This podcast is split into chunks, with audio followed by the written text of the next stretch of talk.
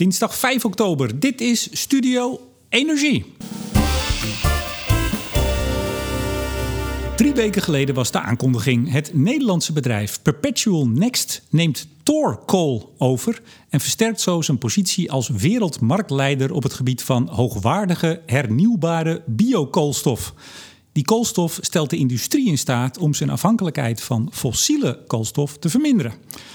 Biokoolstof wordt via torrefactie gemaakt van laagwaardige afvalstromen. Veel bedrijven hebben dat proces onder de knie proberen te krijgen, meestal zonder succes. Waarom lukte het Perpetual Next en Torcoal wel? Waarom gaan ze samen verder? En vooral, wat is de potentie van deze vorm van het produceren van hernieuwbare koolstof? Ik vraag het allemaal aan de Chef Technology Officer van Perpetual Next. Hartelijk welkom, Martijn Dekker. Dankjewel, Remco. Ja, ik, uh, ik vroeg me af, uh, toen u een keurige natuurkundige was, studerend in Utrecht en daar ook nog eens promoveerde, dacht u toen, ik kom later vast in de torrefactie uh, terecht? Dat niet. Maar ik dacht wel, ik hoop nog eens een keer in de energiesector actief te zijn. in die tijd was groene energie al een thema. Uh, mijn allereerste elektriciteitsrekening was al met uh, groene elektriciteit, waar je toen nog een uh, dubbeltje meer voor moest betalen per kilowattuur. Um, ik heb jaren LED gedaan, daar zit je eigenlijk aan de besparingszijde van de energietransitie. En toen men mij een kleine twee jaar terug vroeg om te gaan helpen bij ons energiebedrijf, heb ik die kans met beide handen aangegeven. Ja, u hebt jarenlang was u opnieuw een keurig onderzoeker bij Philips in het Philips Lab. Ja. Het beroemde lab nog. Zeker weten. Bestaat ja. het nog? Nee. Zeker weten, ja. ja, ja. Het is uh, uh, natuurlijk helemaal naar healthcare omgeschakeld. Maar het is nog steeds een groot, uh, groot onderzoekscentrum. Ja. Zet u de microfoon iets verder van u af, want ik, ik hoor u nu een beetje te hard. Gaat dat? Ja. Ik heb u net even ingeregeld, maar ik heb het niet goed gedaan. Nu zit u goed, denk ik. Ja, u bent nog volgens mij in een van Ruud Kolenstra's BV'tjes actief geweest. Ja, Lemnis, Lemnis Lighting, opgestart door Ruud en Friet en, en anderen. En daar heb ik, uh, was mijn eerste start-up ervaring. En daar hebben we uh, goed aan de weg getimmerd. En de adoptie van LED-verlichting voor consumenten met jaren weten te versnellen. En de gevestigde industrie uh, geholpen om daar ook snelheid in te maken. En nu heeft ieder huis nagenoeg alleen nog maar LED-lampen. Dankzij u. Nou, een heel klein, heel klein steentje in die, uh, in die grote muur. Ja, ja we, we, komen straks nog wel even over hoe u bij dit bedrijf bent beland. Want dit valt weer onder een, een ander bedrijf. En die doen allemaal hele interessante dingen. U, want u bent via de lichttak van dit bedrijf weer ja, met dit bedrijf correct, begonnen. Komen we zo nog wel even op. Eerst Torrefactie. Voor de luisteraar die denkt Torrefractie. Nee, Torrefactie. Wat is dat? Ja, de meeste gewone mensen zullen Torrefactie herkennen van uh, koffiebranden. Uh, koffie, uh, het, voorbereiden van de uh, bonen om koffie te kunnen maken, is ook een torrefactieproces. En dat betekent dat je biomassa, koffiebonen zijn ook biomassa natuurlijk, verhit in afwezigheid van zuurstof. Dus je zorgt ervoor dat er geen zuurstof beschikbaar is en daardoor kan het niet gaan branden. En dan gebeurt er iets heel anders. Dan begint de biomassa eigenlijk stapje voor stapje uit elkaar te vallen. Daardoor wordt de biomassa uh, bros. Hij wordt biologisch passief, is niet meer gevoelig voor rotting of voor andere uh, vervalprocessen. En uh, hij verdicht dus de, laten we zeggen, de, de, eigenschappen van de biomassa die je wilt hebben. In dit geval bij koffie vooral smaak. Die verdicht zich. En die techniek is al heel lang bekend. Um, ons ECN, uh, Energieonderzoekscentrum Nederland in Petten, huidig TNO, heeft vroeg jaren nul de potentie daarvan geïdentificeerd voor de energietransitie in de breedste zin van het woord. En uh, op, eigenlijk op die basis bouwen wij nog steeds voort. Ja, en uh, als het gaat over, ja, u zei het al, hè, in afwezigheid van uh, zuurstof. Ja. Het lijkt dan in die zin een beetje op pyrolyse. Misschien dat mensen dat wel wat vaker gehoord hebben, maar daar zijn de temperaturen hoger. Veel hoger mag je wel zeggen. Dus pyrolyse, uh, ja, 500, 800 graden is wel een soort uh, begin. En dan gaat het tot 12, 1600 graden omhoog. Het is dus ook wel eens milde pyrolyse gebruiken mensen voor torrefactie. De, het zijn toch wel twee heel verschillende werelden. Ik vergelijk wat wij doen altijd met koken. Um, deze vergelijking moet ik nu ter plekke uh, gaan, uh, gaan verzinnen. Maar uh, ik zou zeggen, wat wij doen is het koken van een ei. Ja, en vergelijk dat met, met frituren, wat, wat doorgaans heftiger gaat dan het rustig aan de kook brengen van een ei of een aardappel. En wat wij doen komt daar het dichtst bij in de buurt. Onze processen zijn vrij voorzichtig, zou ik bijna zeggen. En hebben tijd nodig. Ja, en um, je krijgt dan dus een, een, een biomassa stukje, ik zeg maar even pellets, hè, kun je ervan maken. En, en stukjes met een hoge energiedichtheid. Ja. Um, en daar vervang je bijvoorbeeld steenkool mee, hè, maar daar komen we zo op. Want u bent bezig, eigenlijk wilt u de, de industrie, de nu steenkool gebruikende industrie, ik zeg het maar, revolutionaliseren. Wij willen uh, bijdragen aan uh, wat heel vaak wordt gezegd decarboniseren, maar sinds kort zeggen wij eigenlijk defossiliseren. Want we willen bereiken dat we niet langer fossiele stoffen, grondstoffen gebruiken voor onze industrie. En dat gaat dus niet alleen om elektriciteit en warmte, het gaat uiteindelijk vooral om het gebruik van het koolstofatoom. Daar waar wij het koolstofatoom zelf onmisbaar is om datgene te produceren wat wij als mensen, als mensheid nodig hebben. En bij dat proces van torrefactie, eh, op uw, op uw website of in het persbericht van de. Is het nou een, een fusie of een, over, het is een overname? Hè? Perpetuum. Eh, wij, noemen het een integratie. Wij integreren uh, Torkol in ons bedrijf. Als je het bekijkt op het niveau van ons eigen torrefactiebedrijf, hè, want Perpetual Next is veel breder dan dat, maar het torrefactiebedrijf binnen Perpetual Next en Torkol, die zijn uh, zeg maar even, even groot en even ver. Zijn gewoon echt uh, gelijken. Um, wij maar kunnen, de, de, een heeft de ander wat centjes betaald waarschijnlijk. Wij kunnen Torkol uh, integreren doordat Perpetual Next de visie heeft om als de speler op het gebied van deze doorbraaktechnologie boven te komen drijven, zoals u bij de inleiding al zei. Maar belangrijker dat ook de markt dat herkent. En het is echt verbluffend om te zien hoe dat ene persbericht geleid heeft tot een, een vloedgolf, mag ik het wel noemen, van aanvragen, serieuze aanvragen uit alle hoeken van de industrie: cement, staal, uh, uh, papier, noem het maar, om uh, met ons ja, in gesprek te komen wat er mogelijk is. Wat misschien geholpen heeft, is dat één maand eerder uw bericht was dat u uh, met ArcelorMittal in Gent, althans de Gent-vestiging, een deal heeft om 30.000 ton per jaar aan bio. Dat, dat is het startvolume en daarna groeit dat door naar, ik, ik meen het tienvoudige als, eh, als intentie. Um, en verbindend voor, de eerst, voor die 30.000 inderdaad. Um, het, het is die opeenvolging van berichten die zeker gewerkt zal hebben. Uh, dat ArcelorMittal-bericht heeft heel veel aandacht uh, gegeven. En, en dat fusiebericht met, uh, met Torkol ook. Nog even één ding over het proces van torrefactie. in het persbericht stond... er is geen energie nodig om het proces op gang te houden. Want de gassen die uit de biomassa komen... die zorgen weer voor het roosteren. Hè? Want, dat hebben we nog niet gezegd... torrefaction, het is geloof ik Frans. Of torrefier, dat heet branden of roosteren in het Frans. Daar komt het van. Ik zal maar ja zeggen. oh ja, nee, ik heb het ook maar opgezocht. Ja. Het is best een gek woord, namelijk torrefactie. Ja. Het is niet iets wat je, wat je zelf weet. Ja. precies. Ik denk het. Um, maar even, je moet toch wel dit proces starten met wat energie? Het is toch niet dat het... Ja, je moet, net al, ik, ik zei het al, ik vergelijk het altijd met koken. Uh, je oven moet je ook even voorverwarmen voordat je aan, het, aan de slag kan. Dat is hier niet anders. Dus de, de, de opstelling wordt eerst voorverwarmd. Daarna start het proces. En de gassen die vrijkomen, die uh, verbranden we. En dat is genoeg warmte om het proces aan de gang te houden en ook om de biomassa voor te drogen. Dus uiteindelijk draait de fabriek na het opstarten op zijn eigen energievoorziening. Begin deze eeuw uh, kwam ECN met, uh, hij zei het al, uh, ECN toen kwam er mee met, nou, dit zou wel eens wat kunnen worden. Ik vat het maar heel kort samen. 2011 vond ik nog een brochure van toen Agentschap NL, nu RVO. Uh, daar werd u wel in genoemd overigens, maar ook twee andere concurrenten, waarvan er in ieder geval één failliet is inmiddels. We komen zo op waarom u er nog bent en uh, de andere niet.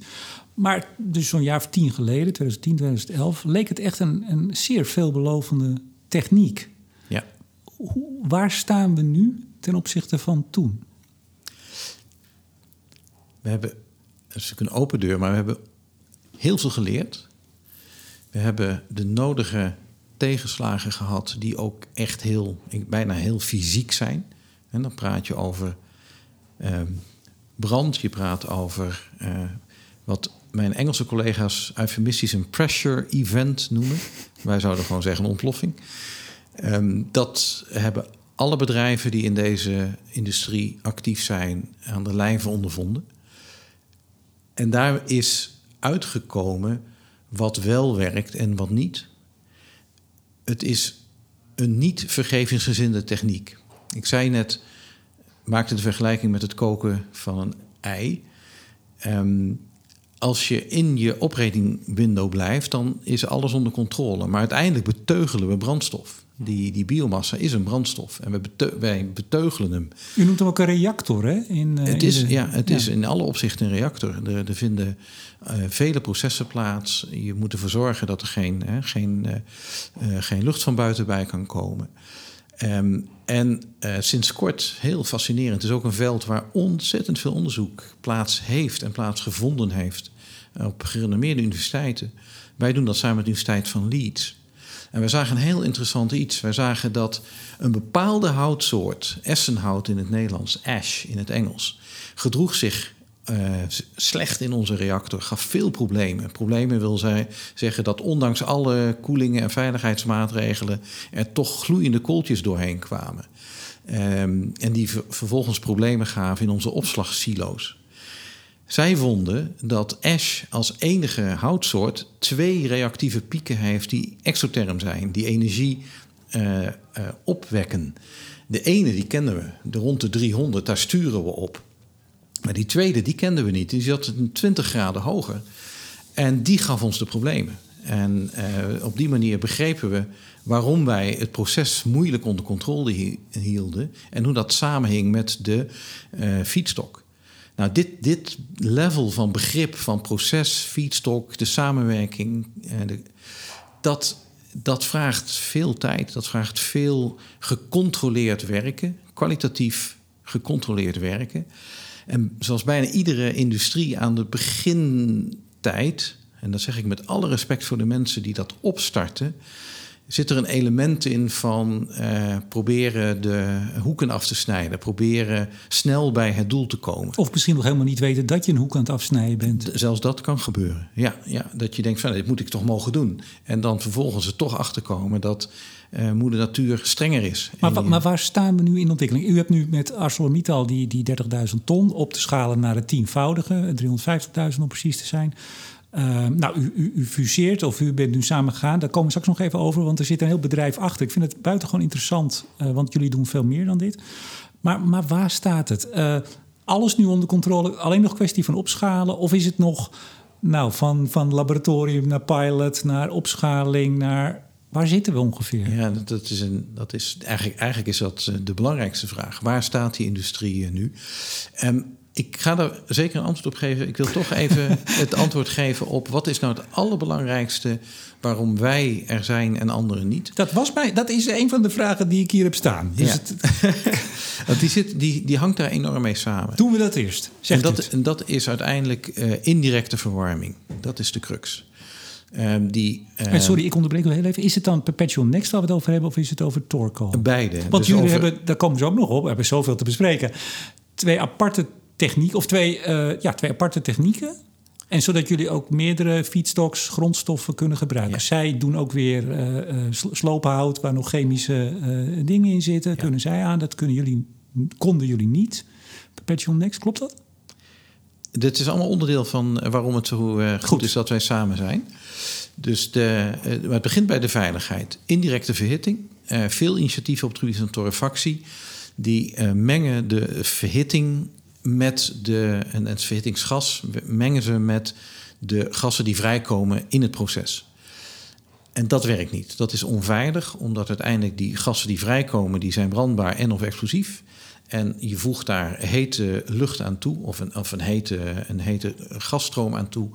En dat gaat vroeg of laat fout. Dat leidt tot ongecontroleerde processen. Dat is helaas keer op keer gebleken. De weg die wij gegaan zijn en ook de weg die Tokkel gegaan is, is om indirect te verhitten. Dus je scheidt de explosieve en brandbare gassen van de verwarmingsgassen en maakt zo een systeem dat inherent veilig is. Ja, zo veilig als het kan zijn. En dat werkt. Dat betekent nog steeds niet dat het altijd goed gaat. Dat betekent nog steeds dat je te maken krijgt met uh, het beter begrijpen van je, uh, van je operating window, van de limieten waarbinnen je proces werkt. Maar je krijgt wel een soort basisveiligheid mee. Nou.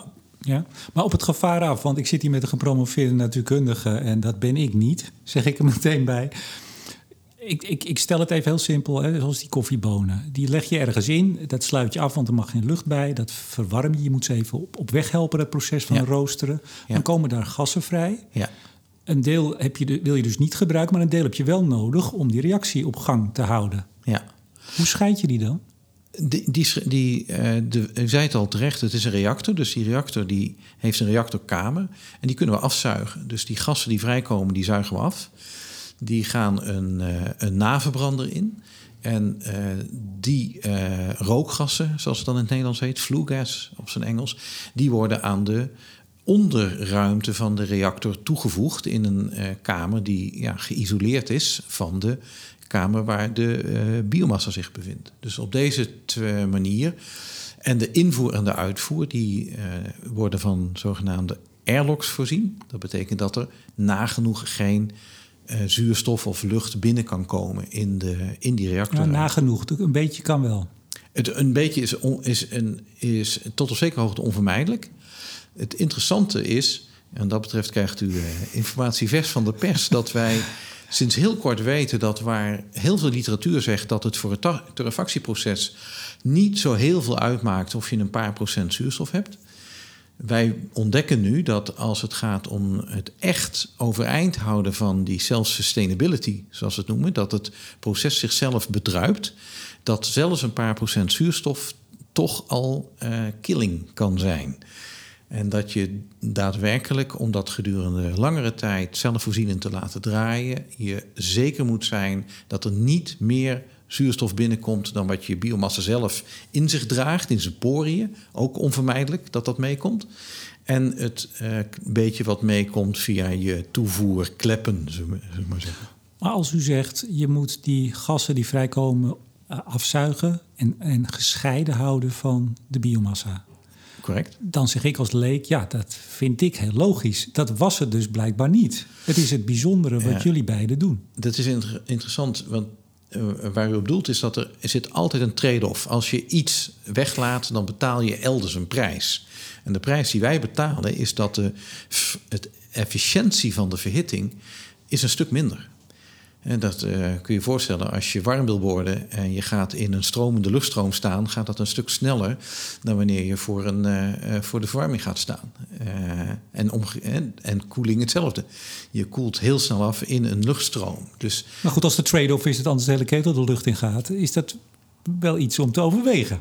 Precies, en daar komt weer terug wat u net zei. Het duurt het leek een, een, hoek die goed af te snijden was. Laten we uh, via, rechtstreeks verhitten via, de, uh, via die uh, rookgassen. En in de praktijk bleek dat te niet vergevingsgezind. En de indirecte verhittingsroute, die dus zowel Torkel als wij hebben, die is voldoende in de hand te houden om te kunnen opschalen naar continue industriële productie. Dat heeft Torkel uh, gedurende een periode van bijna drie jaar gedaan.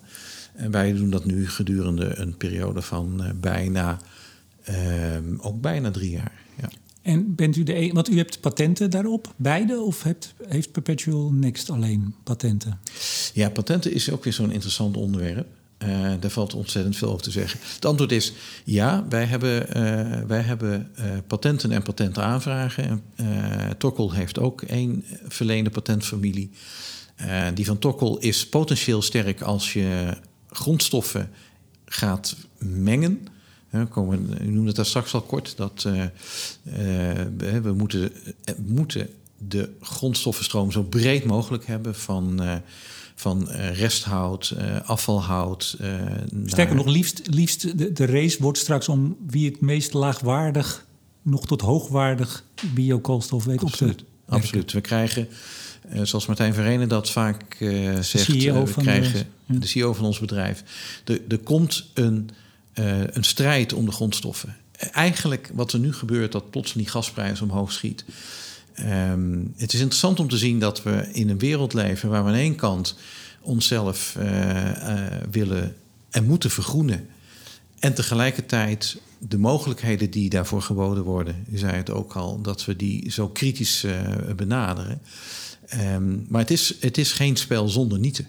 Er is vergeleken met, hè, als je kijkt naar het koolstofatoom wat we nodig hebben, de hoeveelheid beschikbare fossiele brandstoffen die wij, of niet beschikbaar, maar de hoeveelheid die wij jaarlijks verbruiken. En je gaat het vergelijken met, uh, en, je, en je gaat het willen vervangen met uh, natuurlijke koolstof uit de gewone, laten we zeggen, door fotosynthese gedreven, kortcyclische biomassa.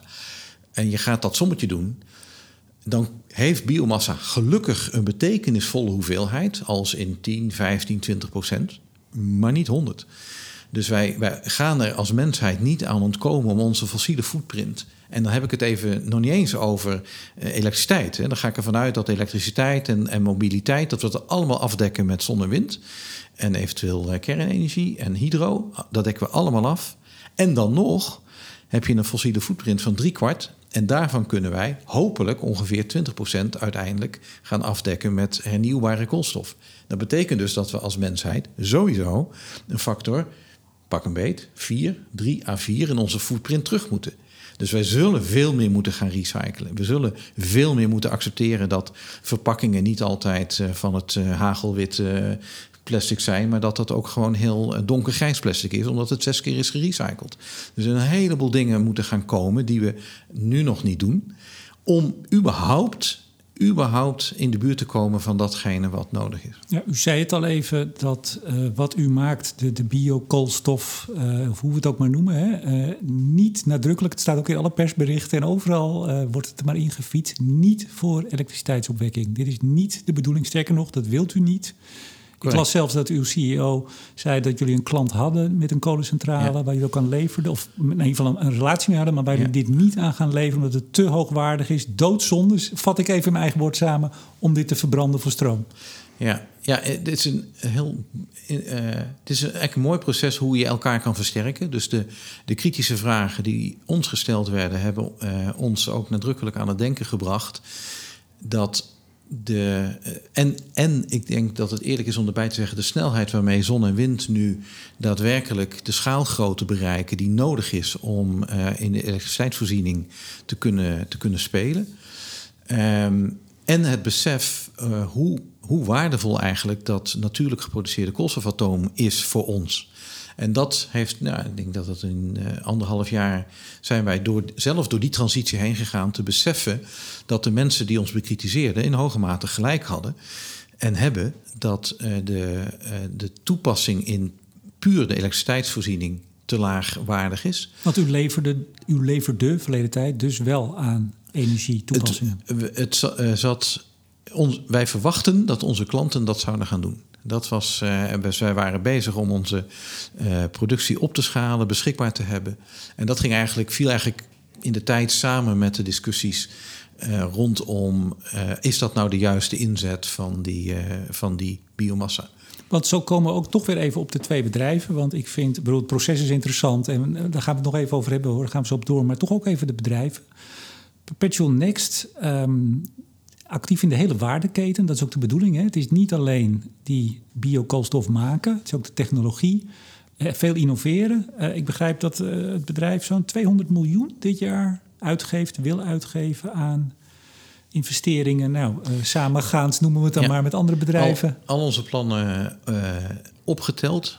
En ook eigenlijk ook de noodzaak om nu in die opschalingscurve van deze technologie te komen. Dan kom je op dit soort bedragen uit. Want ik zag Parenco Hout is een, weer een bedrijf onder Perpetual Next. Uh, of ernaast? Of? Het is recent, uh, heeft het een nieuwe naam gekregen. Dus, maar dat, dat zijn de, de rondhouddivisie is, daar hebben we afscheid van genomen. Oh, die is weg? Die is, die is over, overgenomen door een andere grote speler in die markt. Ja, want u, ik wil maar zeggen, u zat eigenlijk wel een beetje in het hout. Hè? Want Primco en Baltania, een torrefactiefabriek, dat denk ik ergens in de Baltische Staten staat. Dat staat in Estland, ja. ja. ja dat heeft allemaal een beetje de geur van, oh jee, foute biomassa, uh, bomen die daar uh, verhakseld worden. En, uh... Ja, ja, dat is heel interessant. dus ik ben, waar u op ik ben, daar, ik ben daar geen, geen kenner, maar wat ik ervan begrijp is dat, laat maar zeggen, in die bosbouw komen de, de residu's hè, de, vrij bij het oogsten, waarvan een deel niet gebruikt kan worden. En bij het, het uitdunnen. Um, en interessant is dat als je gaat kijken naar wat wij überhaupt kunnen betalen voor uh, de houtachtige biomassa die we gebruiken, dan staan wij achteraan de rij. Dus uh, de, zeggen, vooraan staat timber. En daarna komt uh, de karton, papier. en daarna komen wij. wij als, als, zeg maar, en dat, dat zijn de, de, de bomen de, de, en, en de rest van het oogsten van bossen die niet door uh, andere industrieën kunnen worden gebruikt. Als het gaat om de bosbouw zelf, is het ook heel interessant. Je, je, je, bosbouw heb je nodig om gezonde bossen te hebben. Als uh, bossen ouder worden dan uh, nou ja, 40, 50 jaar, dan worden ze een, een carbon, een CO2-producer. Ja, geen zink meer, maar een producer. En dus het, het simpelweg eh, bossen alleen maar aan een lot overlaten, is ook niet het antwoord. Wij praten veel met, uh, met de mensen die uh, in Finland bijvoorbeeld die aan bosbouw doen. Die zeggen, nou, het zou toch eens verstandig zijn als mensen bij ons te raden gingen. Want wij, wij doen al zo'n eeuw of twee, drie aan, uh, aan sustainable forestry. Hè. De, de, sommige van die discussies zijn, denk ik, gaan voorbij aan, aan het vinden van de juiste balans. Dus aan één kant biodiversiteit, het, het, het, bieden van ecosystemen en tegelijkertijd zorgen dat die ecosystemen ook daadwerkelijk sustainable zijn. En in, in die driehoek is het gebruiken van die reststromen voor biokolen buitengewoon goed te verdedigen. Zeker als je die daarna zo hoogwaardig mogelijk gaat inzetten. Ja, en dus niet in de kolencentrale gooit voor stroom. Precies, we hebben gezegd die grens is nu niet voor stroom, wel voor processen eh, zoals in de staalindustrie waar eh, de biokolen voor reductie worden gebruikt, dus echt voor het chemisch proces. Het zou zomaar kunnen dat we over vijf of tien jaar zeggen: nee, de een, nee, nu weten we precies hoe we het moeten, goed moeten gasificeren. Dat we de chemische industrie voorzien van de basismoleculen. waarmee zij uiteindelijk weer de plastics gaan maken. zonder dat ze daar uh, starten met olie. Nou, dat zou zomaar kunnen zijn dat we over tien jaar zeggen dat de ondergrens daar ligt. Dan kom ik, dan kom ik weer bij u langs. Uh, eh, CEG is ook een onderdeel en daar bent u dan weer de CEO van. Dat is de technologiehoek. Ja, correct. Daar ben ik de CEO, de managing director van. Ja. ja nou, we gaan het niet helemaal uitpluizen, maar er hangen natuurlijk allerlei entiteiten onder zo'n bedrijf. Het, nou, het mooie is dat de visie van, uh, van Martijn Verrenen, maar ook van Erik Huis, een van onze statutaire directeuren, was altijd al om, wat u nou net al zei, die, die waardeketen uh, te integreren. En op die manier de, uh, ja, de, de, de hoogwaardige, toepassing van de materialen mogelijk te maken. En, in, ik heb een tijdje ge, uh, bijgedragen aan onze fabriek in Duiven. Begin dit jaar, daar drogen wij zetmeel uit aardappelschillen, resten van de aardappelproductie. Ja, ook weer zo'n prachtige toepassing van iets wat voorheen niet verwerkt kon worden. Dat, uh, dat kunnen wij met een, uh, met een proces drogen. Dat wordt dan ingezet als, als veevoer. En voor dat droogproces gebruiken wij boomstronken. Letterlijk datgene, wortels, datgene wat uit, uit, uit, uit bosbouw voortkomt, wat op geen enkele andere manier gebruikt kan worden. We hebben een oven die tegen al die zandresten kan. En op die manier sluiten we weer een aantal cycli. Ja, u hebt drie, drie divisies onder het bedrijf: trading, conversions en technologies. U investeert ook erg veel in, in nieuw onderzoek voor aankomende technologieën. Absoluut. Dat is. Ik kom uit de elektronica-industrie. Nou, als er één industrie is waar je leert wat het betekent als je te laat was om een nieuwe techniek te identificeren. Zelfs Philips was wel eens te laat. Nou, Philips is echt een prachtig bedrijf waar fantastische bedrijven zoals ASML uit, uh, uit voortgekomen Natuurlijk. zijn. Natuurlijk. Misschien, misschien wordt Perpetual Next wel gewoon de Philips van, van de komende decennia op energiegebied. Wie zal het zeggen? In, in alle onbescheidenheid, ik zie parallellen met uh, de, de transitie die de elektronica-industrie is doorgegaan. Uh, Nederland heeft onwaarschijnlijke uh, hulpbronnen, met name als het gaat om, met name als het gaat om mensen. Eh, competenties. Uh, gevestigde bedrijven met, uh, met fantastische klanten. En de transitie die bijvoorbeeld het grote ASML heeft voortgebracht door een leidende techniek te identificeren en daarop te bouwen. En daar ook de klanten voor te engageren. Hè. TSMC, Samsung, Intel, die, een, die geïnvesteerd hebben in ASML in de jaren nul, waardoor men EUV kon ontwikkelen tot het niveau waar het nu staat. Hier zijn parallellen. Dat een klant als ArcelorMittal herkent de noodzaak om toegang te krijgen tot, uh, tot uh, uh, groene koolstof voor zijn staal. En, en investeert mede in, in ieder geval in, in de producten en mogelijk zelfs in de toekomst in de bedrijven die dat, die dat mogelijk maken. Er zijn inderdaad parallellen te zien dat de, dat de grootste klanten gaan helpen om door die investerings hobbel heen te komen die nodig is om uh, dit soort technologieën en hun uh, uiteindelijke maturity te brengen. Ik zei net al, die 200 miljoen die er dit jaar al met al ingaat. Dit is geen uh, start-upje waarvan je zegt, nou, die, die rommelen wat aan met drie man en een paardenkop. Hier zit serieus geld in. En in dat kader, maar het is misschien niet zozeer dat ik u daar nog veel vragen over heb, maar heb ik Momentum Capital, dat is eigenlijk weer het moederbedrijf ja. wat hierboven zit. En dat zeg ik even tegen de luisteraars. Um, uh, ik zou bijna zeggen, zoek het eens op. En vooral, u noemde zijn naam al een paar keer, Martijn van Renen, de oprichter daarvan. Het is eigenlijk een investeringsfonds. Daar kunnen kapitaalkrachtige, nou families bijvoorbeeld, rijke families, maar allerlei partijen kunnen daarin investeren. Dat ja. is hier, uh, geloof 2005 begonnen. Ja. Inmiddels uh, is energie, uh, zeg ik maar even, of sustainability eigenlijk, hè, het is veel breder, is één poot. Ja. Maar ook leisure. Uh, hij investeert in Plopsa, geloof ik, een nieuwe Plopsa-park in Polen correct. ik vond het zo leuk toen ik dat las. Uh, ook licht dus, daar komt u eigenlijk vandaan. Hè? Ja. De lichttak uh, ja. valt daaronder. Uh, Zo'n 200 medewerkers heeft Momentum nu in totaal. Ja, zeker. Begreep ik? Of ja. het gaat nog harder. Ik kwam hier net binnen en ik begreep dat het nu... Het, het groeit gewoon per dag. Dat klopt, ja. maar wat ik heel mooi vond, daar wil ik luisteraars verder alleen even op tippen. Google even op een interview van juni 2021, dit jaar dus, in het VNO-NCW-magazine... waarin uh, Van Renen vertelt over zijn persoonlijke achtergrond. Uh, kende u die? Hebt u het interview gelezen? Ja, ik, uh, ik, ik, werk met Martijn samen sinds uh, 2013, dus al een jaar of acht. Wat voor zo'n bedrijf al best een, een, een periode is. En Martijn is enorm sociaal bewogen in, in de kern. He, ja, zelfs, zelfs zo'n Plopsa-park is bewogen vanuit gegeven... hoe kan het zijn dat ze, mensen zeggen in Polen... we moeten naar Duitsland voor een vertier... Uh, en hij pakt dat op en, de, en zegt van ik ga ervoor zorgen dat Polen gewoon uh, in hun eigen land uh, naar een themapark kunnen. Maar hij heeft ook vorig jaar, ik geloof bij het ADO Den Haag stadion, 50 containers neergezet waar daklozen, daklozen ja. Ja. met corona konden verblijven. En nogmaals, google het even, zoek het op. Ik vond het een indrukwekkend verhaal, want hij heeft zelf een hele moeilijke start in het leven gehad. En dan zeg ik het nog heel netjes. Dat, dat, laat ik het zo zeggen als je het niet weet, merk je dat aan niks.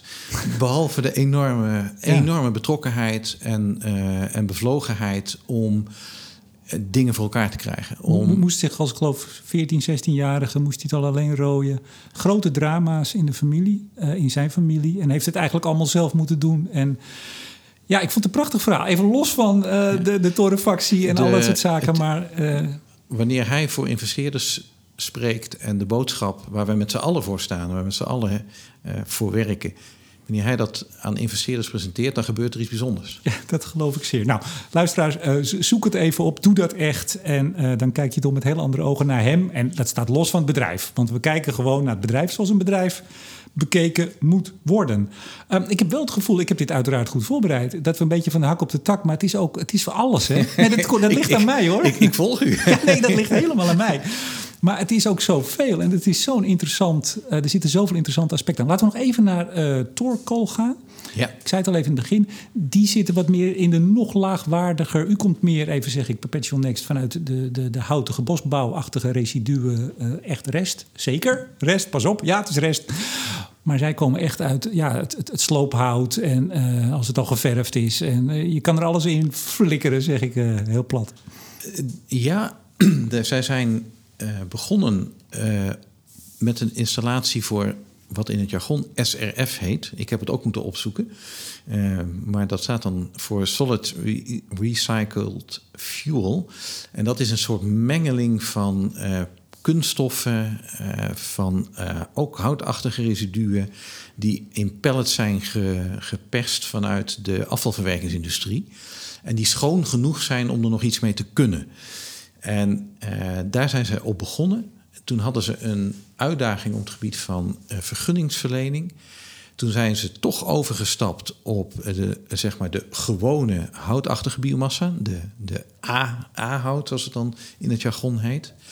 En op dit moment bereiden ze hun installatie voor op B-hout, zoals het uh, dan heet. Dat, dat is ja, wastewood, uh, afvalhout. Hè, wat wij in de container gooien. De oude IKEA-kasten die wij in de container gooien op het uh, Milieupark. dat wordt uiteindelijk geschwet en aangeleverd.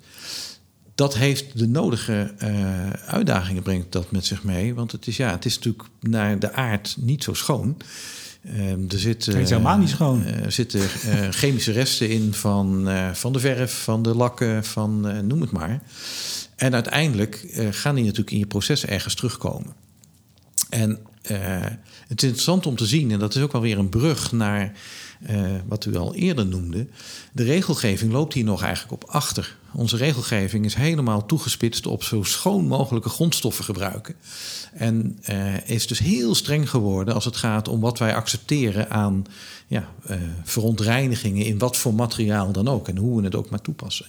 En daar gaan wij uh, de komende jaren met z'n allen heel hard tegen lopen.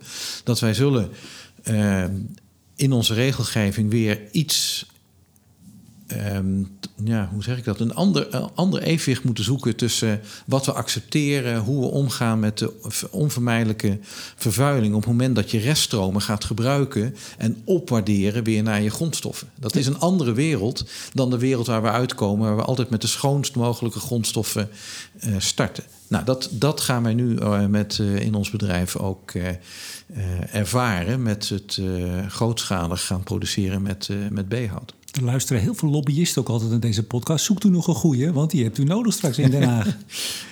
ja, nou, dat is een interessante. Wij uh, hebben ervaring met uh, lobbyisten in Brussel. En we zijn inderdaad ook bezig om ervoor te zorgen dat we daar goed op de hoogte blijven van uh, wat er aan regelgeving wordt, wordt voorbereid. Op de hoogte is één en dat moet je zijn om er vervolgens te kunnen gaan beïnvloeden. Dat is natuurlijk de truc. Ja, beïnvloeden. Dat was het, ik zou bijna zeggen, was het maar zo simpel. En dit is een onderwerp, daar heb ik vanuit lichtbedrijf ervaring op gedaan. Daar hebben wij een actieve, dat is ook overal in het publiek domein te vinden. En Cibero, het lichtbedrijf van Momentum Capital, hebben wij een actieve lobby gevoerd op het gebied van het vervangen van fluorescentiebuizen door ledbuizen. Het, eigenlijk het, het, het wegnemen van een uitzonderingspositie die uh, werd toegekend aan fluorescentiebuizen. Die geen enkele rechtsgrond meer had. Uh, interessant om te ervaren hoe sterk dan toch de gevestigde industrie blijft in zijn, uh, in zijn invloed. En, uh, is, het gelukt? Heel, is het gelukt? Ik ben, het is enigszins gelukt. Ja, het is enigszins gelukt. Ik ben nu heel benieuwd naar deze. Hier hebben we de lichtindustrie met heel veel respect is een kleine speler vergeleken met de energieindustrie. Dus ik ben buitengewoon nieuwsgierig, ook als relatieve buitenstaander, om te zien hoe dit gaat de komende uh, jaren. Uh, hoe, hoe transparant het gaat zijn en hoe oprecht de grote energiebedrijven uh, de noodzakelijke transitie gaan, gaan ondersteunen. Torkool, dat zit in Sittard, maar hun fabriek staat net over de grens in, ik heb het opgezocht hoor, Dilsen, Stockholm. Ja. Ik vroeg me af, 2005 ook al begonnen die jongens. Er zijn dus al wat partijen die nog door uh, toenmalig RVO werden geroemd. Van nou, dit zijn, die zijn al failliet, die zijn al weg. Hoe, hoe hou je, want ze hebben daar een fabriek gebouwd. Ja. Ik geloof 2.500 vierkante meter staat er. Ik heb wat foto's gezien. Ziet er indrukwekkend uit. Maar dat kan toch nooit uit, zo'n zo'n tent? Hun... Um, Zoveel hebben... geïnvesteerd, uitzoeken, fouten, mislukkingen. Daar, daar moet flink geld achter zitten. Dan. Dat klopt. Dat klopt. Er zijn, een, er zijn ondernemers met een eh, gelukkig, eh, met een hele lange termijnvisie, die eh, bij hun plan blijven. En dat kenmerkt de, de, de, de investeerder achter uh, Torkel en dus ook onze Momentum Capital. Dat die vanuit een lange termijnvisie, niet per se gedreven door het, de EBITDA op korte termijn, de Duitsers zeggen dat uh, ook altijd heel mooi. Samenhouden. En dat je, ik heb een paar jaar in Duitsland gewerkt. Dat vond ik een van de mooiste woorden die ze gebruikten. Samenhouden. En daar zit het in. Dat je, je zit samen in een boot en, en, je, en je houdt vol. En, en, is misschien dat ook de reden dat er bij Momentum Capital, nogmaals de, de grote paraplu-firma, dat daar veel familiebedrijven investeren? Ja, ik, ik denk daar heeft ze precies, precies gelijk mee. Er zit er zit een element in, en dat zegt Martijn ook zo mooi. Dat, uh, en ik herken dat ook. Uh, mijn grootste criticaster is inmiddels mijn oudste dochter. Die wijst mij erop dat ik geen eten mag weggooien. Dat deed vroeger mijn vader. En nu is het mijn oudste dochter. En uh, hij zegt ook, het zijn de kinderen, de zeg maar midden twintigers, begin dertigers... die zeggen van je hoeft van dat grote bedrag van mij niet twee of drie keer dat grote bedrag te maken... Maar die zeggen tegen ouders: uh, stop het in dingen die belangrijk zijn, die ertoe doen. Er, zit, gebeurt echt iets. Uh, eerder is het die generatie die ons motiveert om, om, om nu het hopelijk nog kan, op tijd en juist in te grijpen. En dat zijn ook de investeerders die, die ons blijven steunen, ook op momenten dat, dat het, uh, ja, weet je, is nieuwe technologie. Het komt altijd later dan je denkt. Ik heb ooit aan EUV gewerkt voor ASML. Eh, bij Philips. En uh, toen was de verwachting dat het er in vier jaar zou zijn. Stond het op de roadmap. Het heeft uiteindelijk een, een, een, twintig jaar geduurd. Maar men, we kregen de tijd, men kreeg de tijd omdat het nodig was. We hebben die techniek nodig om die hele snelle computerchips te maken... waar we nu allemaal baat bij hebben met onze infrastructuur. En met onze lockdowns, dat we toch thuis konden werken. Um, hier is iets vergelijkbaars. We hebben de techniek waar wij aan werken echt nodig. Ik geloof daar tot in mijn haarvaten uh, in. We hebben, we, als we het niet doen, als wij dit niet grootschalig opschalen, dan gaan wij dus niet van onze fossiele footprint afkomen. Dan gaan wij dus A, het uh, broeikaseffect uh, niet in de hand houden, maar B, eigenlijk nog veel belangrijker, we maken op wat we niet mogen opmaken. Want of het nou 50, 100 jaar of 200 jaar is, dat doet er niet zoveel toe. Wij mogen dat niet opmaken. En als je niet op tijd stopt met opmaken, dan heb je niet eens meer de energie om je vervangende energiebronnen te genereren. Ja, dan hebben we, er, uh, hebben we een mooie kans uh, niet benut. Als, uh, we gaan tot slot vooruitkijken. We gaan even samenvatten waar we nu staan. Um, overigens is, is door de fractie dan wel uh, het systeem. Want misschien komt er straks een andere hele knappe gepromoveerde natuurkundige die zegt: ja, maar ik kan met die laagwaardige biomassa stromen, kan ik op een heel andere manier kan ik daar biokoolstof van maken. Gelukkig is dat nooit uit te sluiten, zoiets bijzonders. Wat wel geldt, is dat naarmate meer mensen gedurende langere tijd aan iets gewerkt hebben, is de kans dat er nog ergens laaghangend fruit is, wordt steeds kleiner.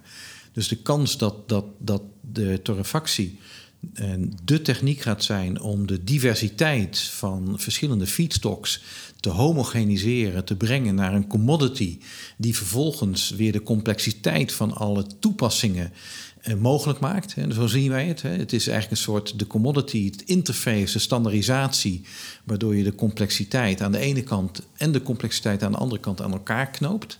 Ook weer zoiets wat in de elektronica-industrie met zoveel succes is gedaan. Interfaces, standaarden definiëren en zo de complexiteit van je, van je vraagstuk uh, uh, behapbaar maken.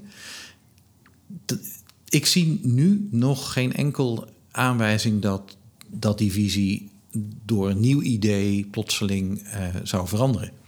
We gaan er even vanuit, dit wordt hem dus. En Nederland, Perpetual, Perpetual Next, wordt dus de volgens u de wereldstandaardzetter? Ik, ik heb te veel meegemaakt om heel onbescheiden te zijn. gewoon doen, gewoon doen.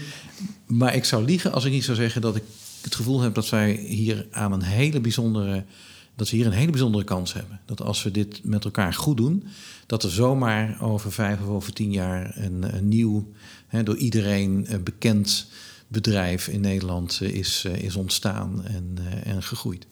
De mensen zijn er, de knappe koppen, begreep ik van u. Het geld is er. Nou, dan ben je al heel eind. De klanten zijn er en de maatschappelijke noodzaak is er. Laten we het over die klanten hebben tot slot. Uh, ArcelorMittal, Mittal, daar hebben we het nu al een paar keer over gehad. Uh, nou ja, die doen ook mee, zegt u eigenlijk. Hè? Die investeren ook mee, of in ieder geval maken het mogelijk. Staal, uh, we hebben het Tata Steel, is natuurlijk hoog op de politieke agenda op dit moment. Het vergroenen daarvan. Die willen niet naar de C6-route, maar waterstof. Als ik het goed begrijp, prima waterstof, maar nog steeds heb je koolstof nodig om staal te kunnen maken. Dus het, het raakt uw business case niet, zou ik maar zeggen. Ja, ik, ik ben daar wat, wat terughoudend, want ik ben geen expert als het gaat om staalproductie. Uh, wat ik ervan weet is, je hebt in ieder geval de koolstof, je hebt in ieder geval een reductie-agent nodig. En die, die rol kan, eh, kan eh, waterstof ook vervullen. Um, het koolstof toevoegingen natuurlijk niet, dat spreekt voor zich. Um, wat mij zorgen baart, is dat ik als natuurkundige wel iets weet over de efficiëntie waarmee we electrolyzers op dit moment beschikbaar hebben en de, eh, de schaalgrootte daarvan. Uh, dat komt nog niet in de buurt van wat de staalindustrie nodig heeft. En dan is de kans verschrikkelijk groot dat het geen groen staal gaat zijn, maar uh, grijs, geen groen waterstof gaat zijn, maar grijze waterstof. Ja, en dat, dat zou ik erg betreuren, want dan, dan is wat wij nu doen uh, voor, uh, uh, voor denk ik, de betere keuze. Maar ik, laat het, ik geloof daarnaast ook heel erg in het belang van verschillende technologieën naast elkaar op hun leercurve brengen en, en tot volwassenheid brengen. Dus ik, ik, ik hoop van ganse harte dat ook die route succesvol is. Maar heb ik het dan toch verkeerd begrepen dat je, ook al heb je groene waterstof als ik zeg maar, hittebron, heb je nog altijd de koolstof nodig? Er zijn koolstoftoevoegingen in heel veel staallegeringen. Ik, maar no, daarom zei ik al, ik ben maar daar voorzichtig. dus, begrijp ik. Ik, ik moet daar voorzichtig zijn. Ik ben daar geen, geen expert. Nou, ik ook niet. Dus dan kunnen we elkaar op dat vlak een hand geven. Uh, uh, Van Renen die uh, zegt ook, ja, dit gaat niet, we hebben het over gehad, niet over economie, het gaat ook over ethiek. Hè? Welke industrieën mogen van ons als maatschappij straks nog die zeldzame of die, die weinig beschikbare, schone, hernieuwbare koolstof gebruiken? Dat wordt ook wel een debat. Ja, meer dan een debat. ja. ja, ik denk dat wij de afgelopen anderhalf jaar hebben als heel bijzonder ervaren ik denk als we er nog tien jaar bij doen en dan terugkijken, dat we verbaasd zijn over uh, wat we niet op, ons, niet op ons af hebben zien komen. Want als wij echt serieus die doelen gaan halen, die moeten we halen. En, als we en denken dat dat kan zonder uh, serieuze veranderingen in onze, in onze manier van leven, consumeren. Uh, als we dat denken, dan hebben we het nog steeds niet begrepen. Staalindustrie is er één. Uh, cementindustrie heb ik begrepen. Het, het, is zelfs zo, zag ik uh, van Reen in augustus dit jaar zeggen... We, we zullen zaken gaan doen met een cementbedrijf. Dat is nog niet benoemd. Maar mag dat al gezegd worden of is dat nog onder de pet? Dat, dat laatste nog onder de pet. We zijn, we zijn met een, hele grote zijn we bezig testen op hun site te doen. Dus materiaal, gedoseerd materiaal is naar hun site verscheept. De infrastructuur om dat te kunnen verwerken, uh, hebben zij de afgelopen maanden gebouwd. En de verwachting is dat uh, volgende week en de week daarna de testen plaats hebben. Zijn die succesvol, dan gaan zij investeren in de equipment op hun site.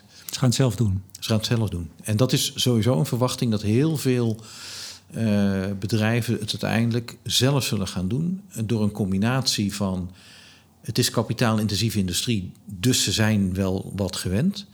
En de fietsstok weer. De fietsstok eh, wil je toch zo, zo dicht mogelijk eh, bij huis kunnen halen. En eh, veel van die, van die fabrieken staan al op sites waar dat kan. Dus die economische modellen worden per geval bekeken.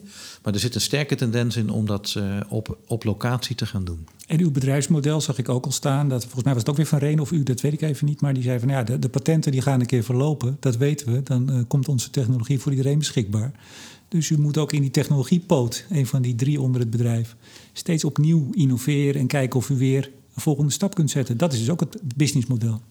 Ja, absoluut. absoluut. Wij denken dat. Uh, uh, het is nog, nog, nu nog achter de horizon, maar uh, heel veel technieken zijn uiteindelijk ook door de elektronica-industrie beïnvloed. En ik denk dat zelfs deze, deze techniek, als je dat gaat doen met met magnetron en met high band gap semiconductors, dat je veel kleinere reactoren zou kunnen krijgen. Veel kleinere. En je kunt je zelfs gaan voorstellen dat je, dat je het gaat toepassen op het moment dat, dat, dat, je, dat stroom uh, op sommige momenten stroom kost het, kost het de, stroomleverancier van wind en zon geld om het te mogen leveren.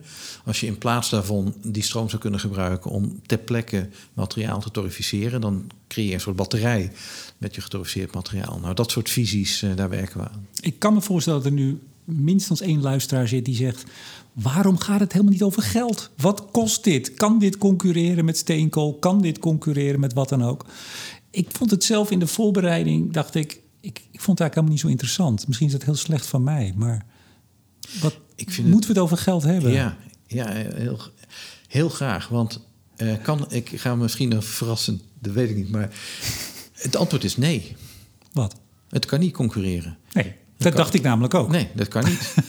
Tenzij, want wij zijn natuurlijk nu een generatie of drie, vier, zijn wij op een bizarre manier verwend dat wij vonden dat wij mochten opmaken wat in de bodem zit, zonder dat we daar ook maar iets voor betalen. We betalen niet voor wat je uit de bodem haalt. Je betaalt alleen maar voor de exploratie en, de, en, en het vervoer, maar niet, er wordt geen waarde toegekend aan wat je uit de bodem haalt. En dus een, een oliebedrijf hoeft niet te betalen aan een land bijvoorbeeld voor eh, iedere liter olie die uit de grond komt. Dit wordt gewoon, mag je er gratis uithalen. Nou, is toch meestal wel een concessietje, moet je voor betalen. Dus, joint venture nee, met de staat. Is, ja, maar dat, ik, heb, ja, ik ben daar geen expert, maar als je telecom neemt, die moesten een, een miljardenbedrag betalen om de ether te mogen gebruiken voor hun. Uh, en die concessie die moet iedere keer weer eh, verlengd worden. Bij ons, uh, dit, het wordt gewoon uit de grond gehaald. En, en dat. Maar dat als, als eh, EBN in Nederland voor 40% eh, meedoet in alle olie- en gasboringen, dat betekent dat de staat voor 40% erin zit. En dus op die, ook langs die kant en dan nog alle accijns en weet ik veel wat er allemaal op zit. Ja, er wordt wel aan verdiend, maar er zit nergens een, uh, een, een, een basiskostenpost voor het feit dat jij het uit de grond haalt. je, je zou als, als Nederland had je kunnen zeggen: ik heb een, een, een, een hoeveelheid kubieke meters gas. En daar geef ik een waarde aan. En het bedrijf die dat uit de, uit de grond haalt, die moet mij betalen als eigenaar van dat, van dat gas voor, die, uh, voor het, het, het, het, het het verbruiken van deze. Maar bijvoorbeeld in Groningen, daar ga, iedereen geeft natuurlijk altijd de NAM, Exxon en Shell de schuld van alle ellende. Maar ik zeg altijd, dat was gewoon een, of dat is nog steeds tot volgend jaar een goed betaalde hoofdaannemer die voor ons, bedoel, het gros van de opbrengst en alles wat er verdiend is aan alle kanten ging naar de Nederlandse schatkist. Precies. Maar goed, laten we daar niet te diep op. U zegt er is nooit voor betaald. Um, het, dit kan niet concurreren. Nee, als je naar een willekeurige business case kijkt, uh, als, als, als, als, als verbruik niet als je het verbruik niet in de kern wil uh, uh, laten betalen, dan kun je nooit op de, tegen Russisch gas. Dat is altijd. Maar steenkool, want u concurreert nu eigenlijk even met, bij ArcelorMittal met steenkool? Um, daar, ja, daar geldt per saldo hetzelfde voor. Dus die, die, als je die prijzen neemt per whatever, per, per, per megawattuur of dat, whatever je doet, je kan er niet tegenop. Je zult naar een model toe moeten waar je beloont voor het niet verbruiken van uh, uh, natuurlijke hulpbronnen. En degene die dat wel doet, bestraft.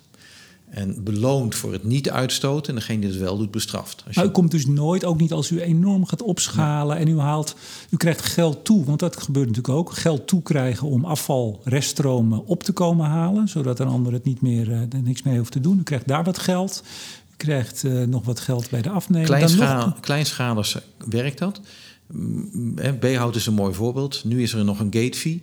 Uh, vertel dat vijf keer en dat één staalbedrijf uh, besluit de B-hout te gaan verbruiken. En opeens heeft het waarde en kost het. die mechanismen gaan, gaan, gaan altijd werken. u vraagt naar de, de, de, de schaalbaarheid van wat we doen. De, de schaalbaarheid is um, is natuurlijk altijd daar. En, en die zal zeker zijn, zijn, uh, zijn bijdrage leveren. Maar we praten echt over een factoren uh, wat er zit tussen wat onze megawattuur kost en wat de megawattuur fossiel kost. Factoren. En we moeten onszelf niet, niet rijk rekenen dat we dat ooit een keer uit schaalbaarheid gaan, gaan halen. Je moet de industrie wel die leercurve gunnen. Um, zoals zon en wind nu ook echt uh, op prijs uh, concurrerend zijn, tot zelfs goedkoper uh, onder bepaalde omstandigheden. Um, iets dergelijks is niet uit te sluiten bij, bij ons, maar dan ben je tientallen jaren verder. Ja, want ook de, de CO2-rechten die u eigenlijk hebt, want u, u, u wint natuurlijk CO2-rechten. Ik, ik, zeg het niet goed, maar hè, ik begrijp wat ik bedoel. Staat ook fundamenteel vormen die een onderdeel van het businessmodel van dit bedrijf. Ja, dus één, uh, uh, en dat zijn niet eens zozeer de CO2-rechten, maar er zijn nieuwe schema's over echt carbon capture. want bij CO2-rechten dan ben je nog steeds bezig om uitstoot te, ja, te herverdelen. Um, uh, waar wij ons op gaan mikken is, uh, onze techniek staat het echt toe om koolstof uit de cyclus te halen en voor eeuwen op te slaan. Uh, via Daar hebben we het eigenlijk helemaal niet over gehad nu, hè? want we hebben het eigenlijk weer over verbruik, waardoor het ja, wel weer vrijkomt. Exact, alleen...